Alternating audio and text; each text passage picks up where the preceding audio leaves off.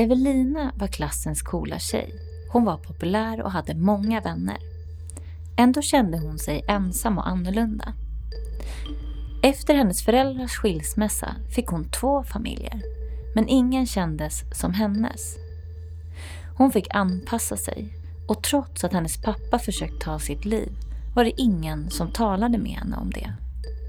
Det var helt enkelt så det var och det fick hon acceptera. Vid 17 års ålder träffade hon kärleken i hennes liv. Han var en kopia av hennes egen pappa. De blev snabbt seriösa, men lika snabbt tog det slut.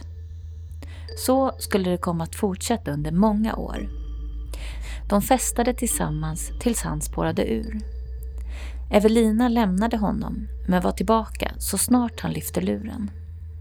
Den här gången är det annorlunda, tänkte hon. Tillsammans fick de två barn och hans festande fortsatte.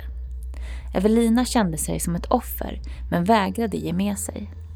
Hon tog till olika knep och strategier för att kontrollera honom och situationen de befann sig i. Hon levde i förnekelse och tillät sig bli trampad på.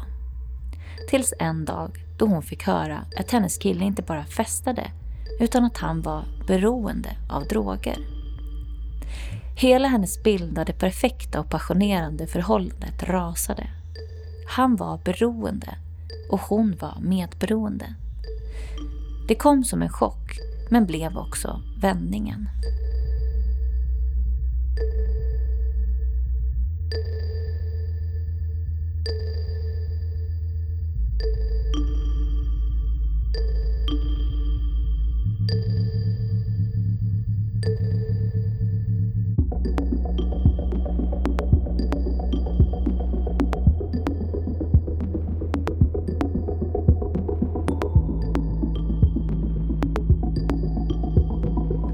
Välkommen till Medberoendepodden Evelina. Tack.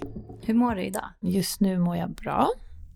Vägen hit var lite känsloladdad. Jag åkte tunnelbana och det är min, jag har en liten fobi för tunnelbanor.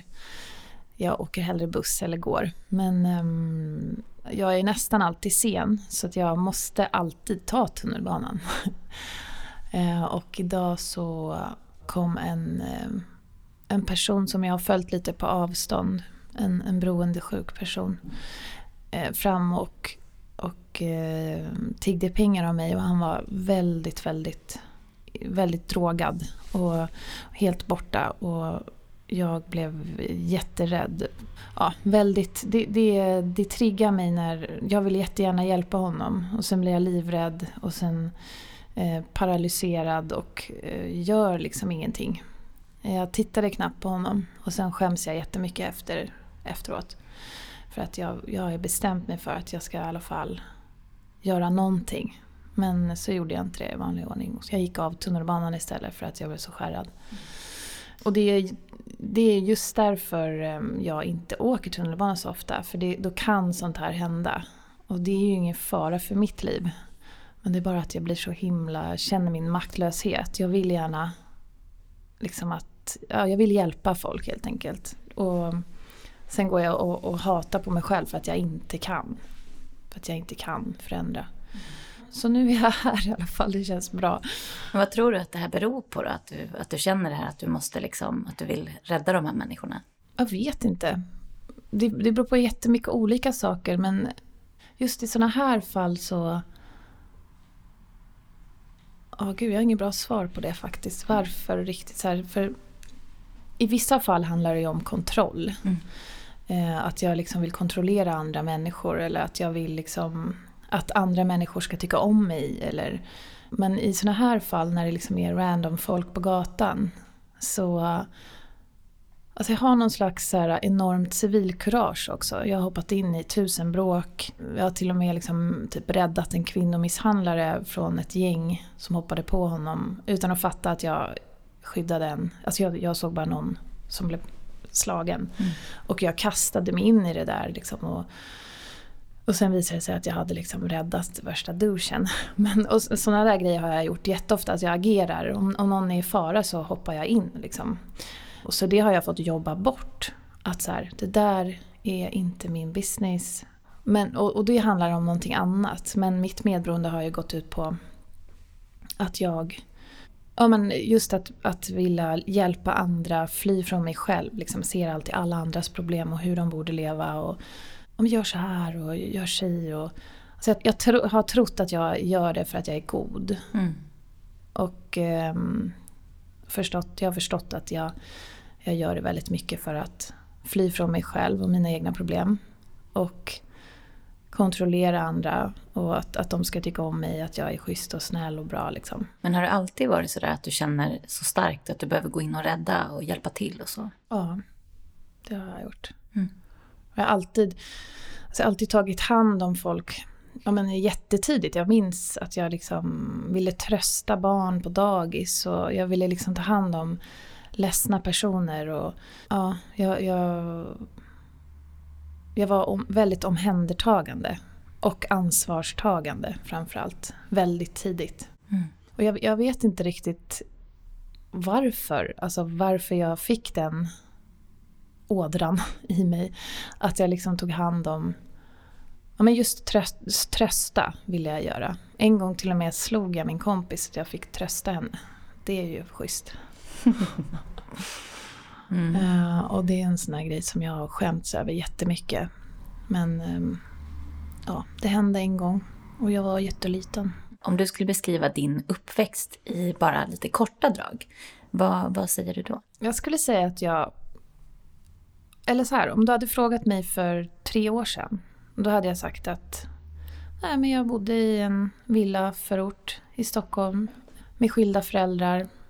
Var liksom en så här, inte stökig person men jag var liksom lite så här, gjorde revolt i tonåren, färgade håret och lyssnade på musik och hängde ute, festade mycket. Men liksom var inget, det var, allt var som det skulle liksom, inga, inga konstigheter. Det var lite trassligt när mamma och pappa skildes men inget större problem. Så hade jag nog svarat för några år sedan. Men eh, nu när jag har jobbat ganska mycket med mig själv så skulle jag säga att jag är uppvuxen i en dysfunktionell familj. Det förekom inga droger eller alkohol men däremot eh, inte speciellt mycket kärlek. Ingen pratade om känslor. Min pappa eh, försvann i något år, två år, lite oklart, när jag var sex eller precis vid skilsmässan. Och sen levde jag med, med min mamma och hennes nya man och så småningom deras barn. Men i min familj så tillhörde jag inte riktigt familjen. Jag var liksom ja, men lite utanför. Och ja, så egentligen så har jag haft en ganska knepig uppväxt när jag liksom har vågat titta på den. Ganska ensam, eller väldigt ensam. Jag hade hur mycket kompisar som helst och jättesocial och aldrig haft problem med det. Men hemma var jag väldigt ensam. Jag satt på mitt rum, jag åt min middag på mitt rum. Jag blev vegetarian när jag var 14 och då fick jag göra min egen mat. Och då blev det att jag åt på mitt rum. Liksom. Mm. Ja, så att, och vi pratade aldrig om känslor eller det var inte mycket kramar eller pussar eller fina ord. Eller, det var liksom bara... Vi bara var liksom. Har du några minnen hur det var när din mamma var tillsammans med din pappa? Nej, inte så många alls faktiskt. Jag har... Ehm, de skilde sig när jag var sex. Så jag har... Jag har inte många minnen. Vi, jag och min mamma vi var väldigt mycket hos min mormor på helgerna. För min pappa var ute, han är artist så han var ute och turnerade i veckodagarna och helgerna också. Så vi, ehm, eller helgerna framförallt, och då åkte vi till mormor. Men jag kan ju liksom bara så här efterkonstruera lite grann hur jag, hur jag kan tänka mig att det var. Och jag tror att min mamma åkte till mormor för, att liksom av, för avlastning. Och att, så jag har inget minne av att vi liksom gjorde någonting ihop. Utan det var mer liksom att de gjorde så här vuxensaker och jag lekte med kompisar. Men var, vi, vi hängde inte som... Det fanns liksom ingen så här, vad ska man säga, engagemang. Och mamma och, och pappa, jag, jag, minns inte deras relation alls. Jag, jag minns något gräl. Och jag minns att jag sa åt jag sa åt dem, det, det är så lite återkommande att jag sa åt dem att de skulle sluta bråka. Jag tror att det var bråkigt, liksom, stökigt. Men jag har, jag har inga minnen av min tidiga uppväxt. Vet du varför de skilde sig? Också efterkonstruerat lite av mig själv och sen har jag också pratat lite men in, inte pratat så jättemycket mer om faktiskt om just varför. Men eh, det fanns ju, de, mamma hade ju redan hittat en ny så det var ju otrohet och sen så, eh, ja sen så fick väl mamma ta massa ansvar och, och pappa var, levde rock'n'roll liksom. Till slut blev det för mycket. Och jag kan tänka mig att hon ville ha något stabilt och tryggt. Eh, istället blev det kanske lite avstängt. Och hon blev avstängd. Och när jag kikar på det så är det ju väldigt likt min, mitt förhållande som det var tidigare också. Att jag, jag är liksom tillsammans med en person som är exakt som min pappa. Och jag är väldigt lik min mamma. Påverkades din relation med din pappa någonting efter skilsmässan? Vi hade ingen relation. Han försvann och han eh, försökte ta sitt liv när jag var ja, i, i samband med skilsmässan. Eh, då hade vi en, en tonårstjej som hämtade mig på dagis. Och eh, en dag så var pappas bil hemma. När vi kom hem så, så ropade jag på pappa och då svarade han så lite konstigt. Och, och då hittade jag honom först inte men sen hittade jag honom i min säng.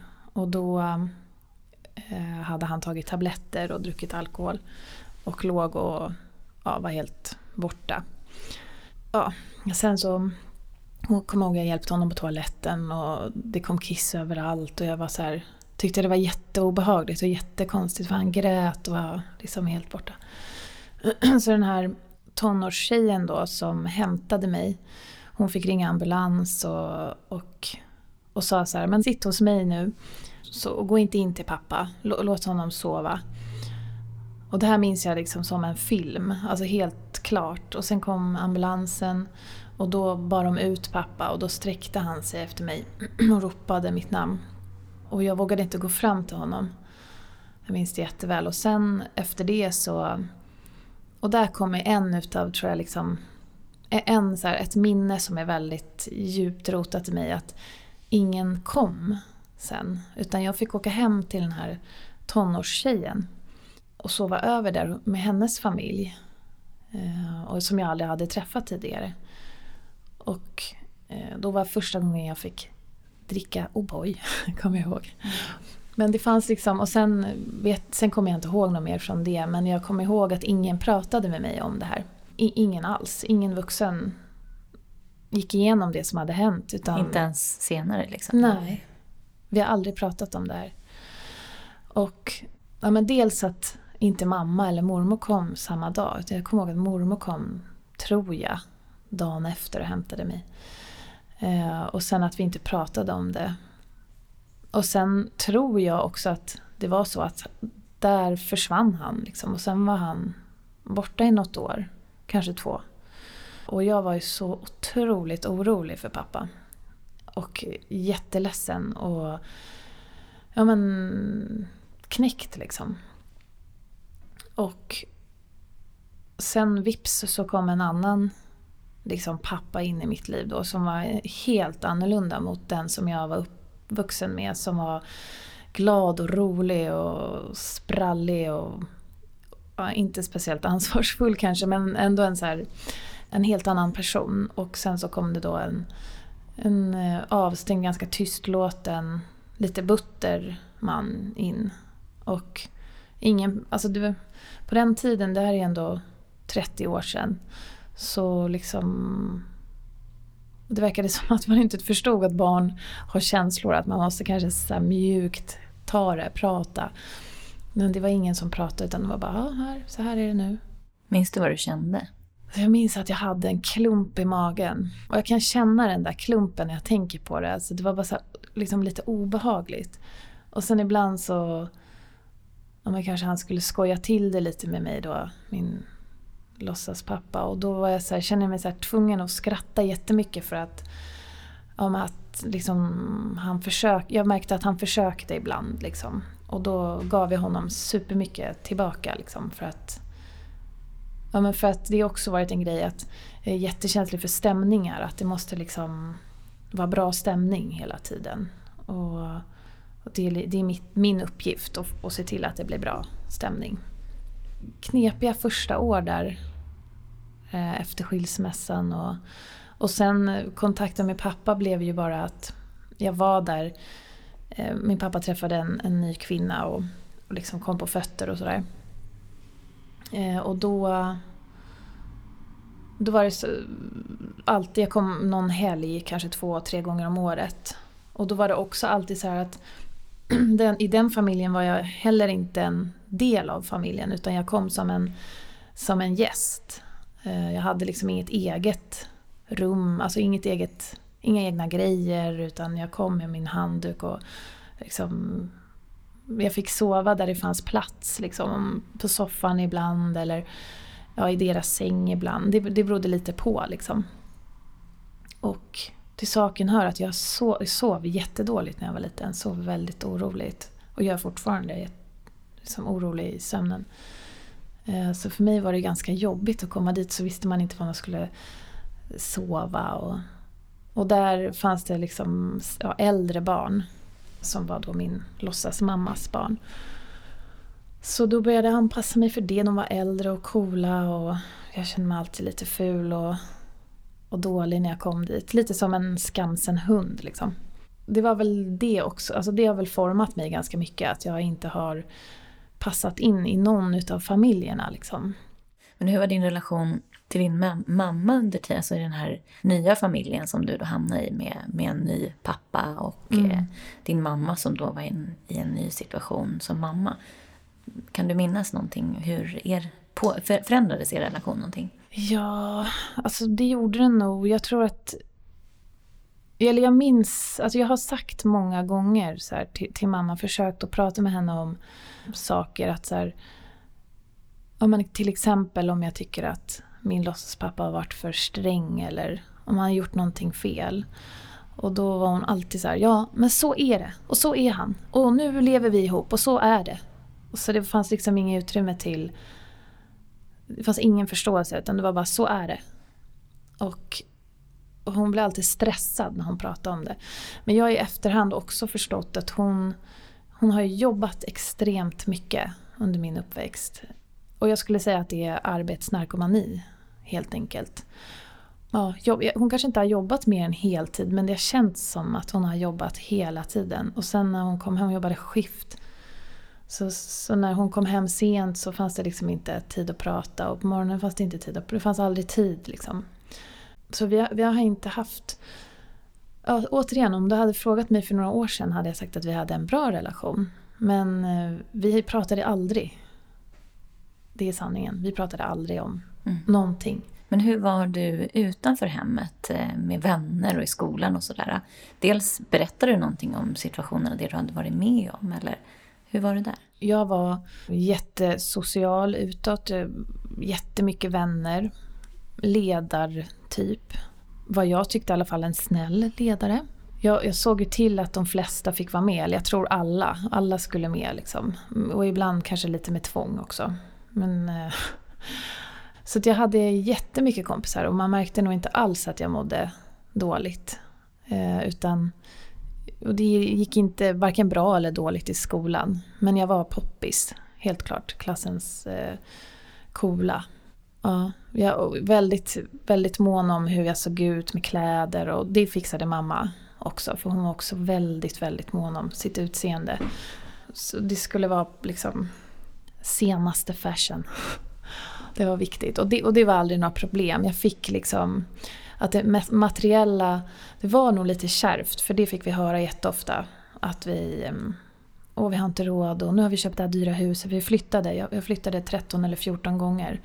In, inte så att jag behövde ryckas upp och flytta till eh, en ny skola. Men vi flyttade till ja, 13 hus.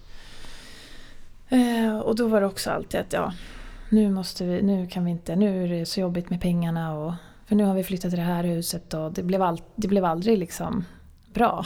Men, men just ja, utåt och, och ja, det har liksom varit välskött villa.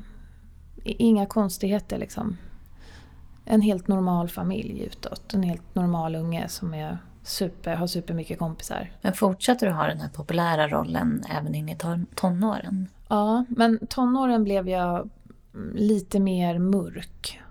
Och då, då gick jag ifrån att vara lite så här mainstream-tjejen till att prova all, alla subkulturer. Skejtare, jag åkte snowboard, jag lyssnade på hiphop eller punk. Ja, jag har haft liksom alla hårfärger man kan tänka sig. Jag har hängt med liksom allt ifrån skinheads och eh, försökte omvända dem. Eh, var i farliga situationer. Och sen så var jag med AFA och punkare. Alltså jag har liksom ja, huliganer, sådana här fotbollskillar. Väldigt kort. Men ehm, ja, allt sånt där. Sökande liksom. Och ville gärna att folk skulle se mig. Jag, jag kunde liksom typ röka på tunnelbanan. Och sen bara, glor på.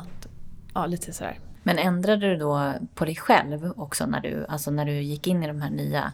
Blev du liksom en kameleont så på det sättet att du anpassade liksom din stil? Och... Jo, det gjorde jag nog. Alltså jag var alltid den här ledaren och jag var alltid... Ja, jag, jag, var, jag var nog mig själv på ett sätt men ändå inte. Jag, jag, jag betedde mig nog ungefär likadant. Men att så här, jag hade andra kläder på mig. Men ändå alltid, alltid känt lite att jag är speciell. Att jag är lite mer eller lite mindre eller... Alltså musik har varit så en röd tråd. Och jag har tänkt att alltså det är ingen annan som riktigt kan höra musik som jag. Jag är lite special för att jag hör det liksom med kroppen eller alla sinnen eller vad sjutton det nu kan vara. Eller om jag gick på konsert så skulle jag röja mest om det var en röjig konsert eller jag skulle liksom stage-diva och ja, men jag uppmärksammade folk om de inte så gjorde som jag, typ om de inte var lika så dedikerad till en låt eller någonting så kommer jag ihåg att jag liksom såg ner på dem och bara shit, de fattar inte alltså. De, även fast de är mina polare, de fattar inte det jag fattar. Och så där har jag hållit på ganska mycket med allt. Um, och liksom det har, har varit så antingen känner jag mig jävligt mycket bättre än andra. Eller så känner jag mig supermycket sämre och sämst. Mm. Men det är aldrig någonting jag... Eller jo, jag har nog sagt. Jag har sagt att jag är bättre än andra fast på, inte så rakt ut utan jag har omformulerat det. Men hur reagerade dina föräldrar eller din familj på när du började då agera ut på det här sättet? Att du vart lite rebell så? Alltså de reagerade typ inte alls. För att jag var en master på att ljuga. Så jag har aldrig blivit påkommen att jag har varit full eller eh, no någonting sånt. Inte rökt eller... Jo, jag fick ett rökbrev i trean. Eh, när vi var nio år och gick upp på Rökberget. Och då, ja, men då liksom åkte alla dit. Men jag har aldrig åkt dit liksom för... Och, och det är ju helt sjukt för att jag har ju varit... Alltså vi festade varje helg sen sjuan. Och jag rökte varje helg. Men jag har ljugit och ja, manipulerat, fixat och donat. Nej, de, jag kommer ihåg mamma reagerade när jag hade grönt hår som var så här mossgrönt och sånt. Så här, det där var inte snyggt. Men annars så... Nej, hon reagerade inte så mycket. Men hur skulle du säga att dina liksom, kärleksrelationer har sett ut om du tittar tillbaka på ditt liv nu? Ja, alltså tidigt så började jag ju tråna efter killar som var liksom lite inte farliga men liksom inte heller så här råschyssta. Jag hade killar som om inte hörde av sig eller som jag fick liksom springa efter. Men jag blev ju tidigt super, super kär. När jag var 17 år träffade jag eh, min liksom livskärlek.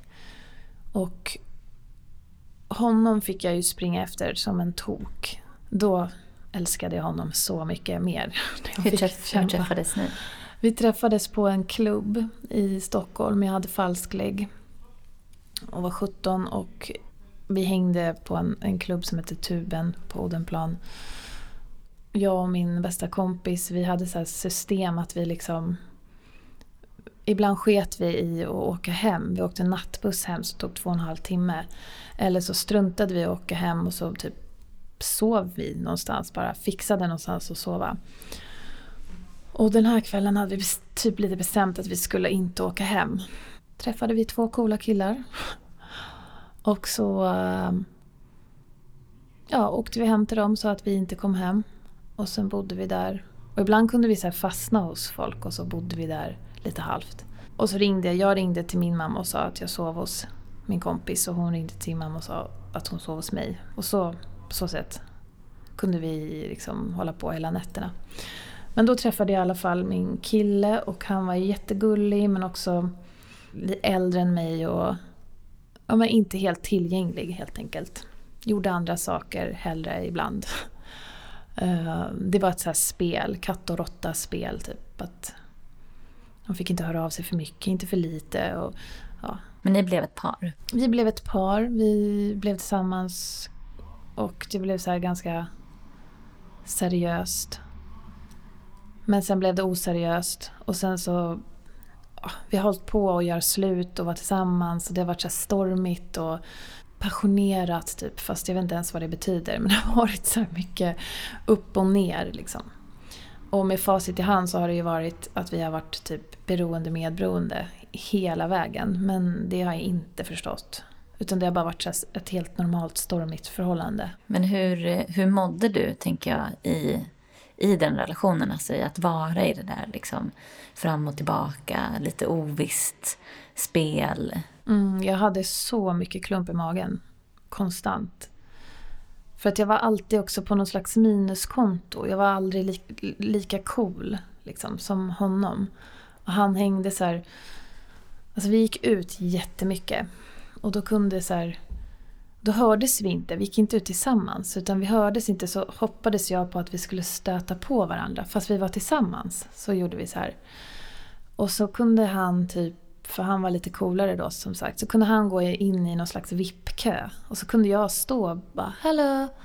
Så gick han bara förbi och så kanske vi sågs där inne. Sådana där grejer höll vi på med. Och det tog jag bara. Om man så kunde ställa in eller inte höra av sig. Och så fick jag åka hem. Men, och jag kanske ringde så svarade han inte. Och, ja, men det var väldigt otryggt. Men ändå när jag mådde som bäst och när jag kände mig så helt perfekt och allt är bäst. Det var ju när jag var med honom liksom, i hans famn. Typ. Då kände jag att så här, nu... Och det var dit jag ville hela tiden. Det var som att så här, dit sökte jag mig. Det var där. Och, och då kunde så här, tiden stanna liksom. Men allt runt, alltså allt annat, jakt, allting var bara kaos. Jag hade jämt ont i magen. Ja, och sen, men sen vi gjorde slut flera gånger och vi flyttade ihop och vi ja, hade det ju liksom relativt normalt också. Så det var inte bara att vi var, men det var när vi liksom i tidig ålder så, så höll vi på sådär. Men sen så blev det att vi flyttade ihop. Men sen blev det alltid knas. Det var som att det gick några år, då gick det bra. Och sen så blev det, och, och det blev att det var min kille som fuckade upp allt på något vis. Alltså det kunde ha varit att han tog lån, han var ut, blev så att han jobbade, eller var, gick ut jättemycket. Och då till slut så fick jag nog och så drog jag. Men det var som att han, han pushade det tyckte jag. Eller jag tycker fortfarande det. Så mm. pushade mig till att göra slut. Och så drog jag. Och sen så kunde jag vara borta en sommar. Men sen så, så fort han ringde så det var som att det fattades någonting hela tiden i mig. Och, och när han ringde och var hej jag har ångrat mig och nu är jag bra igen. Så var jag så här, ja nej men alltså nu är du fan bra för att du vet ju, du kan inte leva utan mig och jag kan inte leva utan dig. Nu, nu, nu, nu börjar vi om. Och så har vi ju gjort liksom. Och sen har vi flyttat ihop och så har det varit bra i några år och sen har det kaosat. Och det har ju liksom också varit så att det har inte funnits 100% tillit utan det har alltid funnits. Och jag har alltid varit offret. Alltså jag, jag tror jag har suttit, om man slår ihop alla timmar, flera år och ältat med mina vänner. Om vad han gör och har gjort och inte gjort och vad han sa att han skulle göra och inte gjorde. Och, ja. och ändå, jag har ju aldrig tagit ansvar för mig och liksom Ja men det här vet du ju om Evelina. Det här har du varit med om tusen gånger före. Det är ingen som tvingar dig att vara kvar eller vad sa du då? då? Och, mm.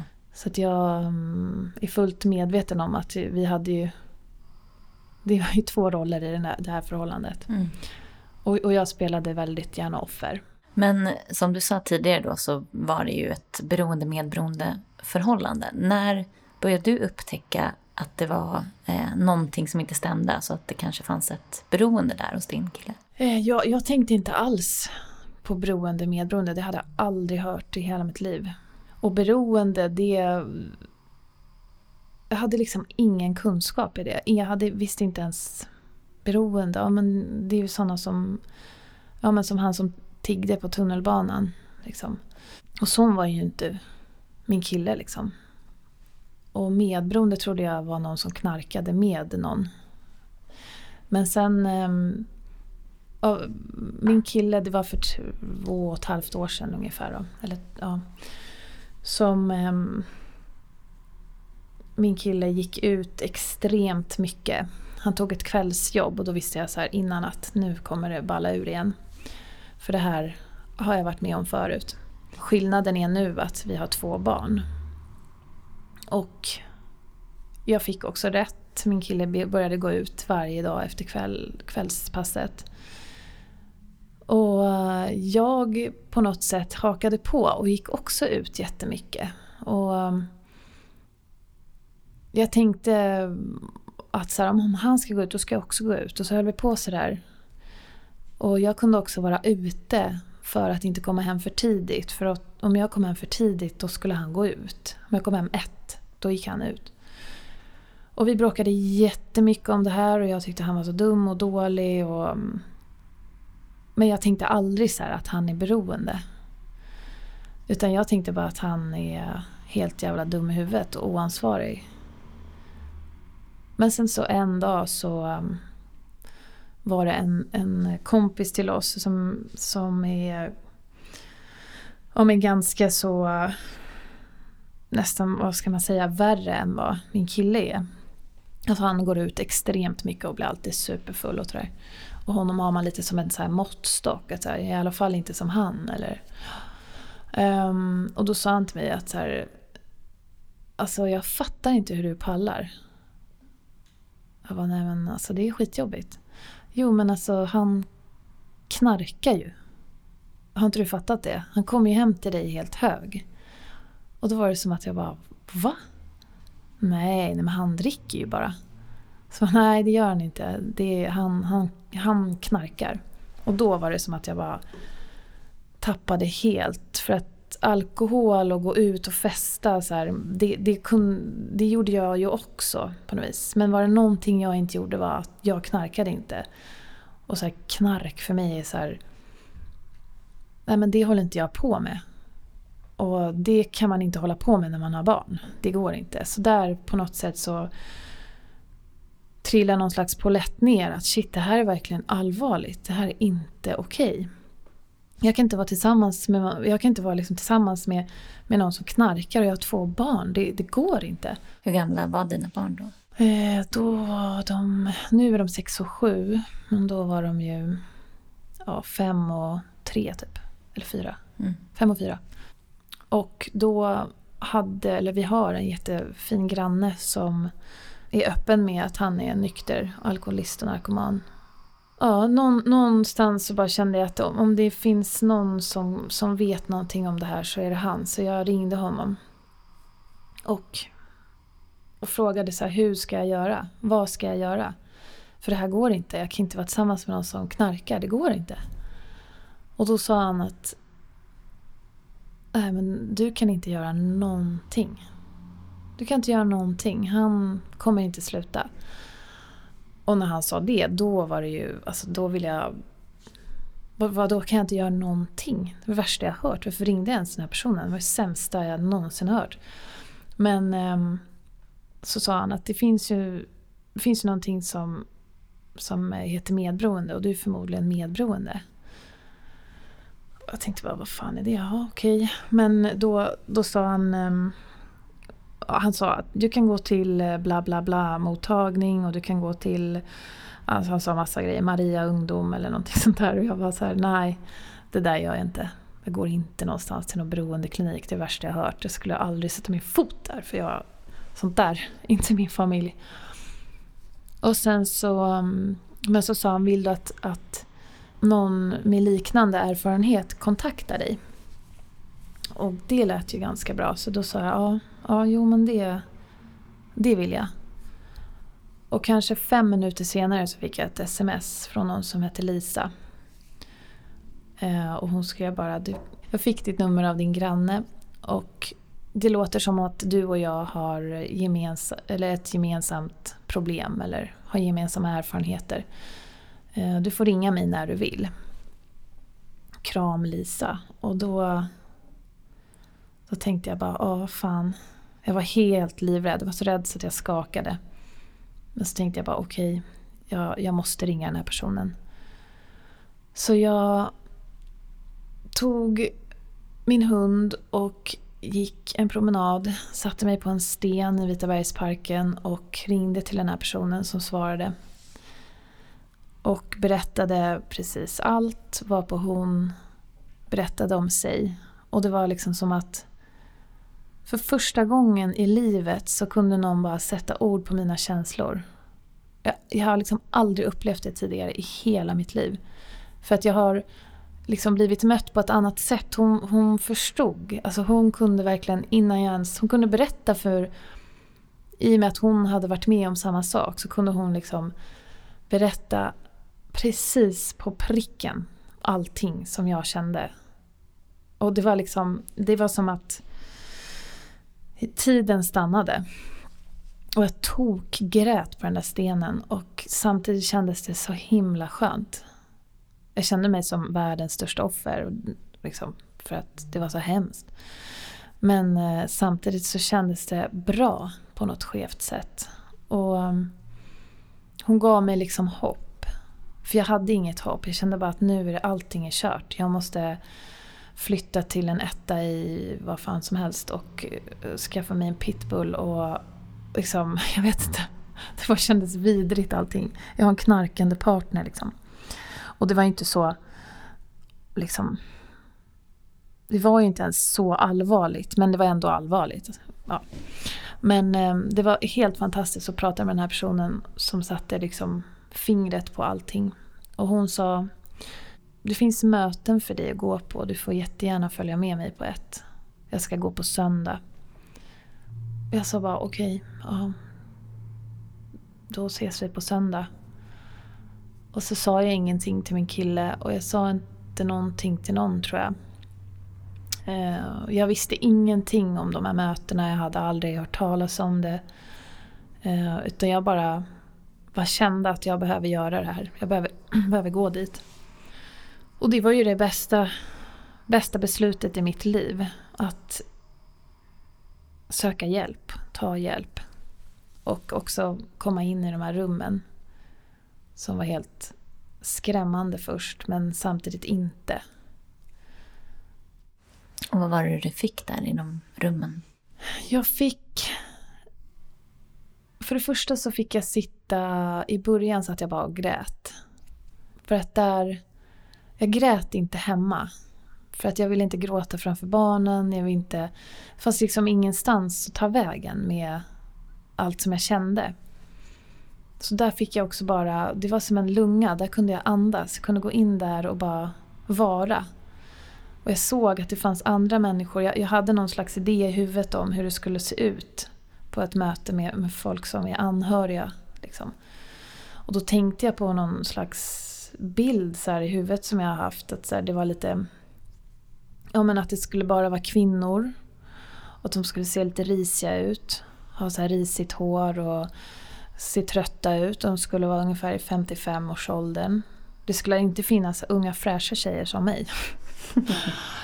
um, ja, och jag trodde bara att det skulle vara sorgligt. Men det var tvärtom emot sorgligt. Visst var det sorgligt för, för det var tungt att gå dit i början. Det ska jag inte säga att det inte... Alltså det var verkligen... Jag gick med tunga steg men alltid så gick jag därifrån mycket lättare. Eh, och det som var så fint och som är så fint är att det är folk som vem som helst. Det finns liksom alla kategorier om man vill dela in folk. Och framförallt känslan av att att jag är faktiskt inte ensam. Och jag skämdes ju enormt mycket. För eh, ja, med min kille och mig själv, var vi hade hamnat. Ja, det var, fanns så himla mycket skam. Och i och med... Ja, för, för jag hade sett på livet och på världen på ett helt annat sätt. Ur mina ögon.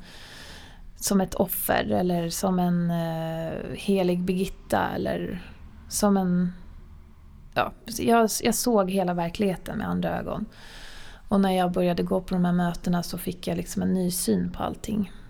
Som jag idag kan kalla för frisk syn, eller mer frisk i alla fall än innan. Men vad hände med din eh, kille då under den här tiden? Ja, efter några gånger så berättade jag för honom att jag gick på sådana här möten. Och han ställde nästan inga frågor. Han eh, blev ju livrädd antar jag. Och jag sa bara att jag måste gå på de här mötena två gånger i veckan. Så är det bara. Och han fortsatte som vanligt och gick ut. Och jag låg hemma och jag ringde och jag ringde och undrade var han var när han skulle komma hem. Och var skitarg, skällde. Han fick inte sova i sovrummet, han fick bara sova i, våran gäst, eh, i vårt gästrum. Och eller han gick in dit själv, liksom. det var inte så att jag bara, du får inte komma in. Han ville inte ens sova med mig för jag skällde bara på honom, för han stank. Eh, men han höll på som vanligt. Men ju längre tiden gick, desto mer jag jobbade med mig själv, så insåg jag min del i det här förhållandet. Att jag faktiskt har en del i det också. Jag är inte ett offer. Ehm, och att jag kan göra massa saker. Och sakta men säkert så började jag ju förändras. Och det märkte han. Och jag hade ju ställt tusen ultimatum tidigare som jag aldrig hade hållit. Och dragit någon slags gränser men alltid gått över dem själv eller låtit andra gå över dem. Eller han.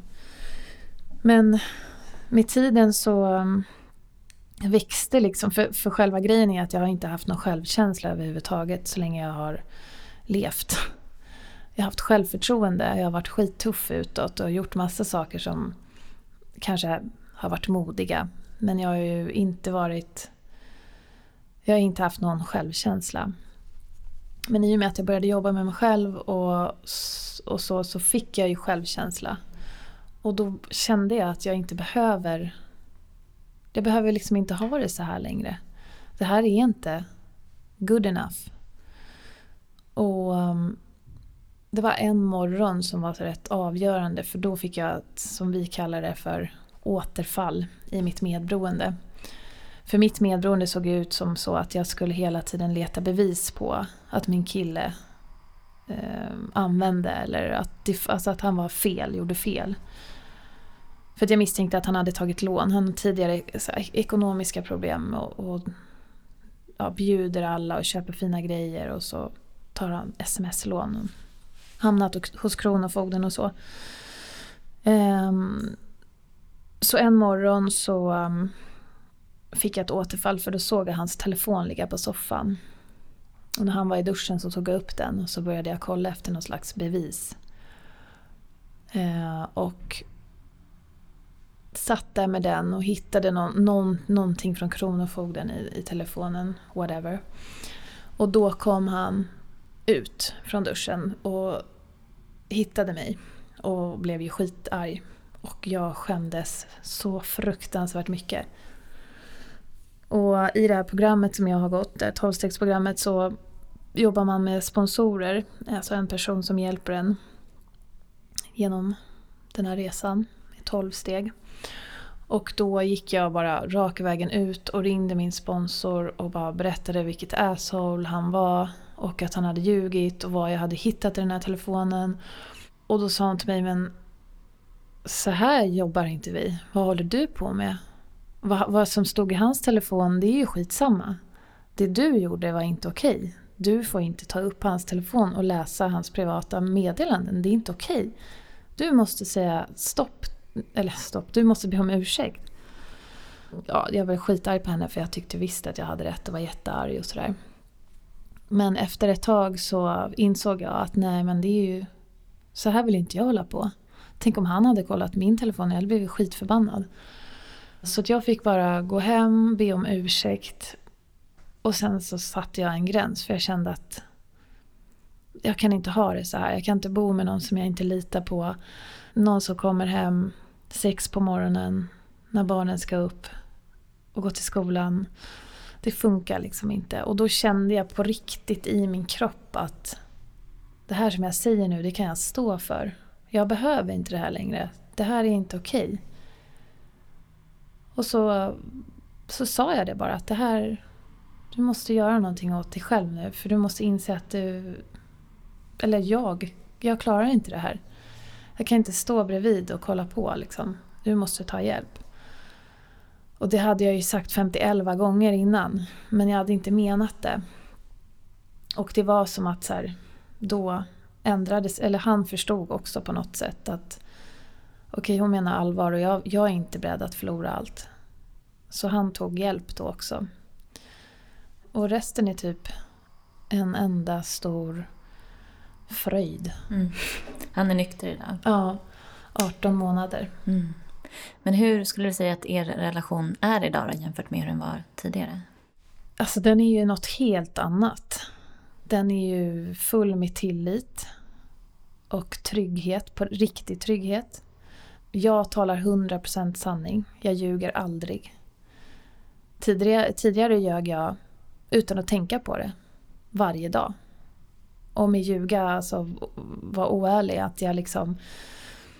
Ja men jag kunde ju krydda vad som helst bara för att det skulle låta lite roligare eller...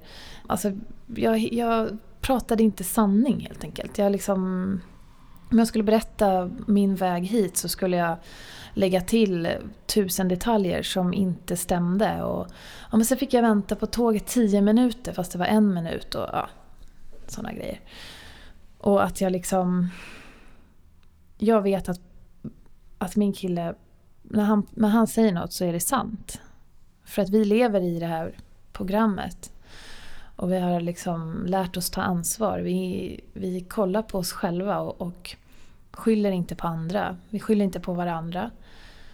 Och visst bråkar vi ibland men det är ju så här, vi, då reder vi ut det. Vi går inte, förut var det så att vi kunde bråka så stack han.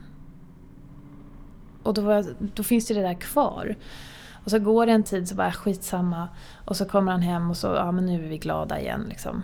Nu skiter vi i det där. Fast vi pratade aldrig om vad, vad vi var osams över eller vi redde liksom aldrig ut någonting. Så nästa bråk så kom alltid tusen andra grejer upp. Liksom. Och nu är det att vi, vi har inte massa gamla grejer som ligger och pyr. Utan vi tar det på en gång och vi också kikar så här, men vill jag ha rätt eller vill jag vara lycklig? Till exempel. Så här, är, det, är det här någonting att, att bråka om? Eller oftast är det ju inte det.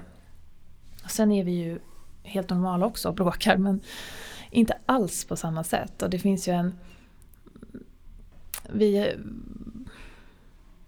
vi låter varandra också vara väldigt mycket på ett helt annat sätt. Förut blandade vi oss in i varandra på något vis. Om, om han mådde dåligt mådde jag dåligt och och tvärtom. Och det blev liksom en gegga av alltihopa.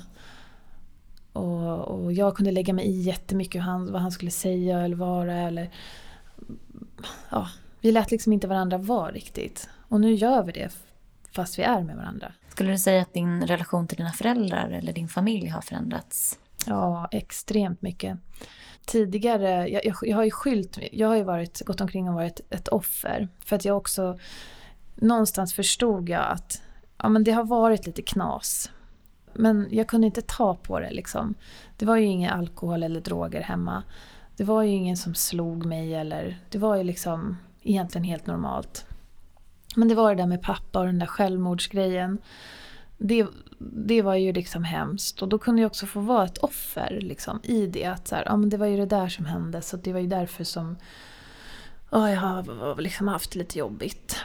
Um, men jag har inte tänkt på min mammas del eller alltså jag har tänkt, skyllt väldigt mycket också på min låtsaspappa och sådär. Att ja, han var så sträng och han var si och så i och med att jag började jobba med mig själv och kika lite på min uppväxt och höra andra prata om sina uppväxter så har jag liksom kommit på massa saker som jag har fått lite fel, som jag har fått om bakfoten.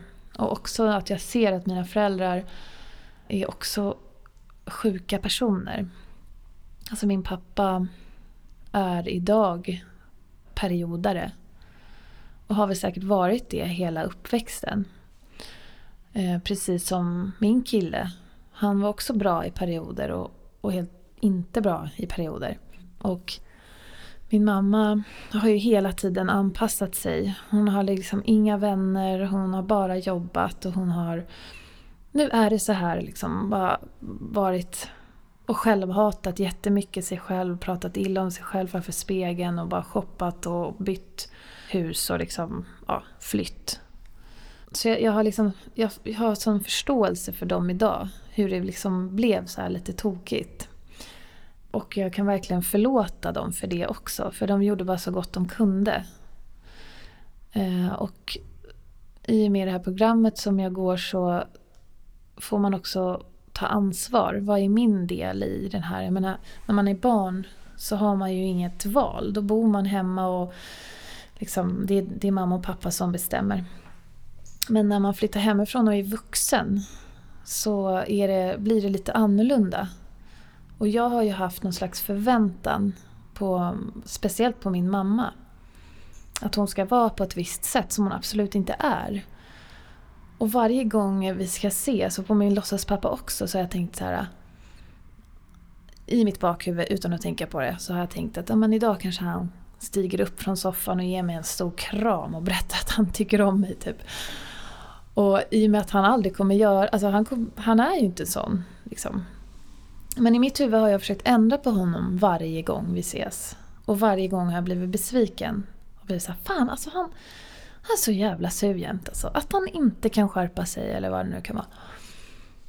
Istället för att bara så här, acceptera att han är så. Och nu när jag har kommit så långt att jag accepterar mina föräldrar så som de är.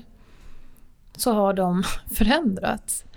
Vilket är helt sjukt. Så att, och, och, jag har liksom velat ha en, en mer djup relation med min mamma till exempel.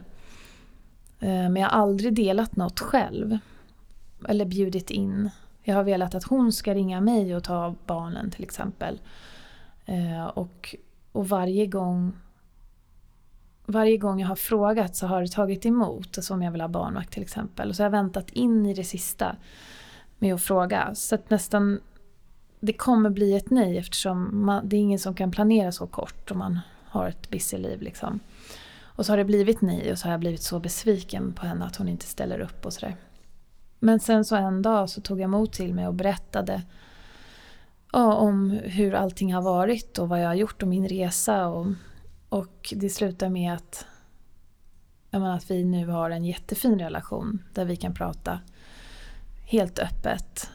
Och um, samma sak med pappa också. att um, Jag har varit ärlig med honom också och jag har liksom ja, men inte skuld och skambelagt som jag gjort tidigare utan varit mer förstående och kärleksfull. Och jag får liksom så mycket tillbaks. Så nu har jag en, en jättebra relation med båda och det trodde jag aldrig skulle hända. Men eh, den viktigaste relationen då, den till dig själv, mm. har den förändrats också? Ja, enormt. Det finns ju så olika begrepp inom medberoende, till exempel att man är prestationsprinsessa till exempel. Och, och det kände jag inte alls igen mig för att jag, jag har liksom inte vågat prestera utan jag har varit en som bara så här, ja men jag kör på det här för det här kan jag. Och jag, är inte, jag är inte så bra på någonting annat så det är lika bra att jag är kvar här. Liksom. Jag har inte haft någon tro på att jag kan göra någonting annat. Men däremot på alla jobb så har jag varit extremt ansvarsfull. Typ varit lite så att Ja oh men gud, det kommer ju falla om inte jag är på plats. Liksom. Så att, men i alla fall så tog jag mig i kragen och i och med att jag började jobba med mig själv så vågade jag också ta steget att gå en liten kurs, plugga. Och sen ledde det till eh, ett nytt jobb som ledde till en anställning. Och så, ja, så att jag har liksom, från att vara livrädd för nya saker så jag är fortfarande rädd men, men jag gör dem ändå. Um, och jag är också förlåtande. Jag, jag, om jag gör något tokigt eller säger något tokigt så jag lyckas inte jämt men jag, jag är snällare mot mig själv. Jag ger mig själv en chans liksom. Ja, så att jag, jag har jag har fått jättemycket mer självkänsla. Helt klart. Och om någon nu lyssnar och känner igen sig i någonting du har berättat, vad har du för, för tips? Vad kan man göra? Vad ska man göra? Man ska ta hjälp. Det är ju kanske lättare sagt än gjort, men det är faktiskt inte så svårt. Det finns ju de här mötena som är för medberoende. Som är på allas lika villkor på något sätt. Du behöver inte ha någon utbildning, du behöver inte eh, vara på något speciellt sätt. Jag trodde ju, jag satt där jättemånga möten och trodde att jag var fel för att det är så himla ofta som, som man försöker hitta olikheter i andra. Att men gud hon har haft det mycket tuffare än mig eller han verkar ju kunna det här jättebra och gud jag kan ju ingenting, vad ska jag säga? Att man tvivlar så mycket på sig själv men att alla är i grunden helt lika. Visst, vissa har lättare för andra, alltså man är olika på ett sätt men, men det, det krävs bara att man vågar ta tag i det. det fin- jag har ju gått till Koanon, som är ett tolvstegsprogram och det är för medberoende och det är framförallt för drogrelaterade liksom, relationer. Men det är också folk som har anhöriga som har anorexia eller spelmissbrukare eller sexmissbrukare eller vad som helst. Och att man inte behöver heller ha någon som är aktiv runt omkring sig utan det kan vara att man har haft det i sin uppväxt eller att man har en, en, ett syskon eller kusin eller vad som helst. Och att det är ingen som petar en därifrån utan alla är välkomna. Och ja, att våga. För det, det är skitläskigt men det är också det bästa, det bästa och det bästa som har hänt mig och min familj. Och nu är det ju så fint att jag har fått, jag, jag ger tillbaka det som jag fick. I det här programmet så det kostar inga pengar. Du behöver liksom inte anmäla dig och sen om du inte kommer så blir du straffad på något vis. Utan det är liksom att det är upp till dig hur mycket du vill bli bra. Och i och med att nu man hjälper andra så småningom så är det också ett, ett prov liksom att inte bli medberoende till dem man försöker hjälpa. Och det är också ett sätt att jobba med sig själv på ett helt nytt sätt. Och ja, att det är så himla mycket kärlek. Och att jag tidigare också var så rädd för kärlek. Men det är jag inte längre. Tusen tack Evelina för din fantastiska berättelse. Tack. Tack. Känner du igen dig eller någon annan i Evelinas berättelse så kan du titta in på vår hemsida under fliken Ta hjälp för att se var du kan vända dig. www.medberoendepodden.se är adressen. Gå gärna in på iTunes och betygsätt Medberoendepodden för att göra det lättare för andra att hitta oss i djungeln därute. I sociala medier heter vi Medberoendepodden. Följ oss där.